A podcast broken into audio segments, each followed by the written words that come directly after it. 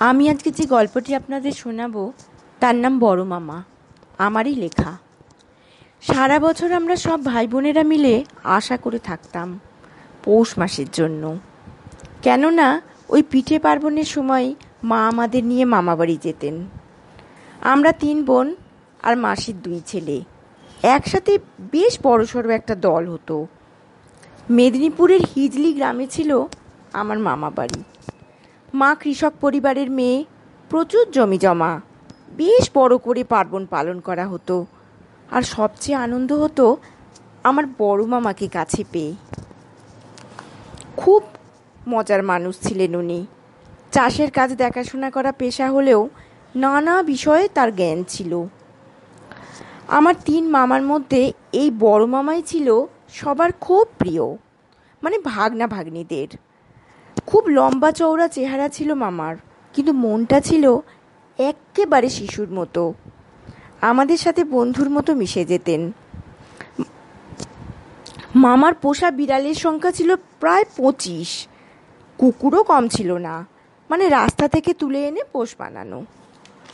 সবচেয়ে মজার কথা এই, বিড়ালগুলোর আবার প্রত্যেকের একটা করে নাম ছিল। আমরা মামাবাড়ি যাওয়ার পর দিন থেকে প্রত্যেকের ভাগে চারটি করে বেড়াল ভাগ করে দেওয়া হতো। মানে তাদেরকে দেখাশোনার দায়িত্ব নিতে হতো আমাদের। চারবেলা খেতে দেওয়া, চান করানো সব। মামিরা বারণ করলে শুনতেন না মামা। বলতেন, এতে ওদের জীবের প্রতি ভালোবাসা বাড়বে, কোনো ক্ষতি হবে না। যাই হোক, আমাদের কিন্তু বেশ মজাই হতো। মাঝে মাঝে নিজের ভাগের বেড়াল হারিয়ে অন্যেরটা ধরে আনতাম। মামার কিন্তু সব বেড়াল চেনা। উনি ঠিক ধরতে পারতেন। সেই নিয়ে হই হই হতো ভাই বোনেদের মধ্যে। ঝগড়াও হতো। তবে বেশি হতো আমার মাসির বড় ছেলে যোগু আর ছোট ছেলে বিশুর মধ্যে। ওরা বছর দুয়েকে ছোট বড়। সেই শেষবারের পৌষ পার্বণের কথা আমার খুব মনে পড়ে।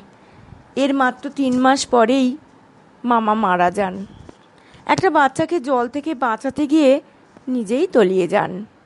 এমন মামার জন্য সত্যি গর্বে ভরে ওঠে আমার বুক। সেবার আমার দিদি অনু মাধ্যমিক পরীক্ষা দিয়েছিল। আমরা হই হই করে পৌঁছে গেলাম মামার বাড়ি।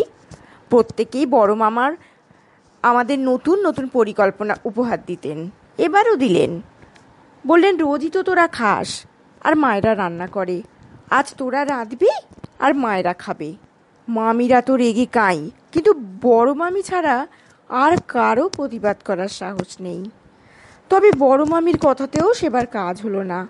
কেননা আমরা ভাই বোনেরা মিলে মামাকেই সমর্থন করেছি। শেষে আর কি করা যাবে? বাড়ির বৌঝিরা ছুটি পেয়ে মাইল তিন দূরে এক মন্দির দেখতে বেরিয়ে পড়ল। সেজু মামা গেলেন তাদের রক্ষী হয়ে। ছোট মামা কলকাতায় থেকে পড়াশোনা করে, তাই তিনি অনুপস্থিত। যোগু কিন্তু রান্না করার পরিকল্পনাটায় আর একটু নতুন রং দিল। বলল, বড় মামা আমরা নদীর ধারে উনুন করে রান্না করব। তাহলে আরও আনন্দ হবে। যেন পিকনিক করছি মনে হবে। বড় মামার কিছুতেই আপত্তি নেই। আমার মামার বাড়ি ছিল শিলাবতী নদীর ধারে। অতএব নদীর ধারের মাঠেই আয়োজন হলো রান্নার। মেনু বেশ সাধারণ। খিচুড়ি, আলু ভাজা, মাংস আর চাটনি। কাজও ভাগ করে দেয়া হলো সবাইকে। শুধু আমার ছোট বোন রিনিকে ছাড়া। ও তখন তিন বছরের। চার বছরের বড় রানুদি রান্নার ভাতটা পেয়েছিল।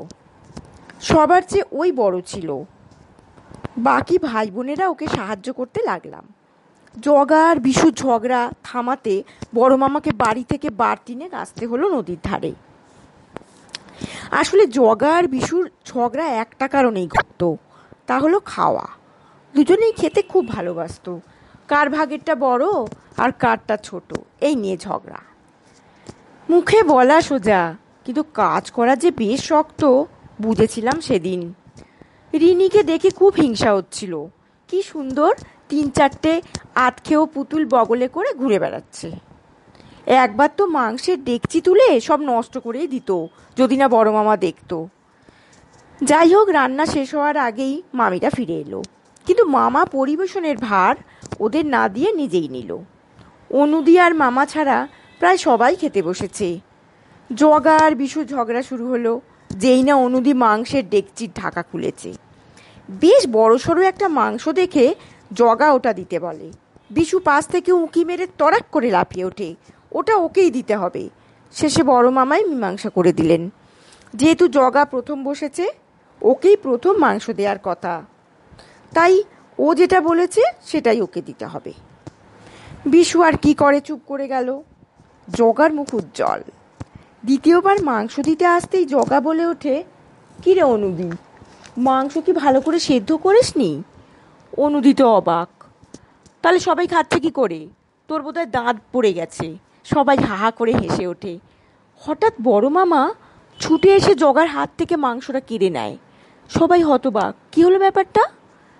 একটু দূরে জলের মগ নিয়ে মাংসটা জল দিয়ে ধুয়ে বলেন, হতচ্ছাড়া, এটাকে এতক্ষণ ধরে চিবিয়েও বুঝতে পারলি না? এটা রিনির ন্যাড়া পুতুলটা। জগার বড় বড় চোখ আরও বড় হয়। হাসতে হাসতে সবার পেট ফাটার উপ- উপক্রম হয়েছিল সেদিন।